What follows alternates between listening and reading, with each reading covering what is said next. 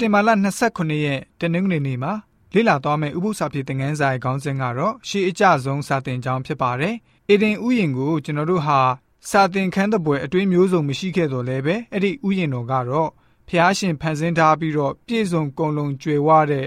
ဖန်ဆင်းခြင်းခံအရာတွေနဲ့ပြည့်စုံလျက်ရှိပါတယ်။ယနေ့အမြင်အသိနဲ့ခံမရမယ်ဆိုရင်တော့အပြစ်မရှိတဲ့လူသားပြီးတော့အပြစ်ထဲကိုမကြသေးတဲ့ကဘာကြီးကိုဖ န်ဆင်းရှင်ကိုတော်တိုင်တင်ကြားတွင်တင်ပေးတော်မူတဲ့အဲ့ဒီစာတင်ကန်းဟာပြည့်စုံမှုအပြည့်ရှိလိမ့်မှာဖြစ်ပါတယ်။ကပောက်ကျန်ခန်းကြီး2ငွေ9ကနေ23ကိုဖတ်ကြည့်မယ်ဆိုလို့ရှိရင်တော့ဖျားရှင်ရဲ့ဖန်ဆင်းထားမှုပြီးတော့နေရာချထားမှုနောက်ပြီးအာဒံကိုတာဝန်ပေးမှုတွေကိုတွေ့ရမှာဖြစ်ပါတယ်။ထာဝရဘုရားဆိုလို့ရှိရင်လူယောက်ျားနဲ့လူမိန်းမကိုဖန်ဆင်းပြီးတဲ့အခါမှာမိသားစုတစုနဲ့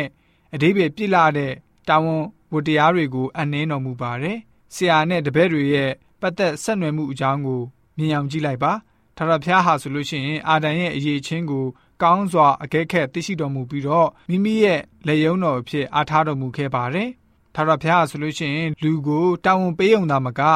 ပျော်ရွှင်မှုကိုပါပေးချင်ပါသေးတယ်အထူးသဖြင့်တာဝန်ပေးအပ်ရခြင်းရဲ့ရည်ရွယ်ချက်မှာပျော်ရွှင်မှုရရှိပါစေဆိုတဲ့အကြံစီတော်ဟာလည်းပဲပါဝင်ပါတယ်ပျော်ရွှင်မှုကိုဖန်တီးပေးပါတယ် ယုံကြည်စိတ်ချစွာနဲ့တာဝန်ကိုချထားပေးပါတယ်။လူသမျှကိုလည်းပဲဖြည့်ဆည်းပေးပါတယ်။ဖျားရှာဆိုလို့ရှိရင်အာဒံရဲ့စိတ်သဘောကိုသိရှိပြီးသားဖြစ်ပါတယ်။ဒါကြောင့်အေဒင်ဥယျင်ကိုပြုစုရတဲ့တာဝန်ဝတ္တရားကိုအနှင်းတော်မူပါတယ်။အဲ့ဒီခါမှာဖျားသခင်ဟာလူကိုယူပြီးတော့အေဒင်ဥယျင်ကိုပြုစုစောင့်ရှောက်ဖို့ခန့်ထားတော်မူတယ်ဆိုပြီးတော့ကပောက်ကျန်ခိုင်းနှစ်ငွေ15မှာတွေ့ရပါတယ်။ အဲ့ဒီကဘာဦးချိန်ကာလမှာဆိုလို့ရှိရင်ဘယ်လိုမျိုးလှုပ်ဆောင်ဖို့တင်နန်းတွေရှိမရှိတော့မသိပါဘူးဒါပေမဲ့အာဒံဆိုလို့ရှိရင်မိမိတင်ကြားခံရတဲ့အတိုင်းအေဒင်ဥယျင်ကိုပြုစုဆောင်ရှောက်ခဲ့ပါတယ်ကပောက်ကျန်ခန်းကြီး2ငွေ19ကနေ23မှာထထဖျားရှင်ဟာဆိုလို့ရှိရင်အာဒံရဲ့ပျော်ရွှင်စရာဖို့တရိษံကလေးတွေကိုဖန်ဆင်းပေးထားပါတယ် အေးဝါလို့ခေါ်တဲ့မိမတူဦးကိုလည်းပဲဇနီးတဲ့အဖြစ်ဖန်ဆင်းပေးထားပါတယ်။ထောက်တော်ဖျားဟာအာဒံအတွက်အထောက်အမရှိဖို့လိုတဲ့အကြောင်းသိတော်မူပြီးတော့မိမကိုဖန်ဆင်းခဲ့တာဖြစ်ပါတယ်။ဖျားရှင်အနေနဲ့လူသားဟာ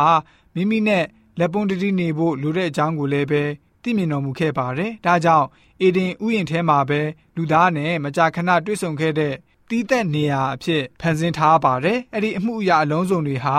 ပြည့်ပြည့်စုံတဲ့ဖျားရှင်ရဲ့အကြံစီတော်ပဲဖြစ်ပါတယ်။ လူသားကိုချစ်မြတ်တာရှိတဲ့အကြောင်းတတ်သိပဲဖြစ်ပါတယ်။ကျွန်တော်တို့လူသားတွေဟာအပြစ်ကြောင့်အေဒင်ဥယျာဉ်တော်နဲ့ဝေးတဲ့နေရာကိုနှင်ထုတ်ခြင်းခံရတော်လဲပဲကျွန်တော်တို့အနေနဲ့တဘာဝတရားအဖြစ်သင်ငန်းစာတွေသင်ယူလို့ရရှိနိုင်စေပဲဖြစ်ပါတယ်။ဒီတဲ့ကြောင့်ကျွန်တော်တို့ယုံကြည်သူများအနေနဲ့တဘာဝအကြောင်းအရာတွေကိုလေ့လာသင်ယူပြီးတော့ဖျားရှင်ရဲ့ကောင်းမြတ်မှုကိုချီးမွမ်းကြတဲ့ယုံကြည်သူတွေဖြစ်စေဖို့အတွက်တနင်္ဂနွေနေ့ဥပုသ္စာဖြစ်သင်ခန်းစာကဖော်ပြထားပါတယ်။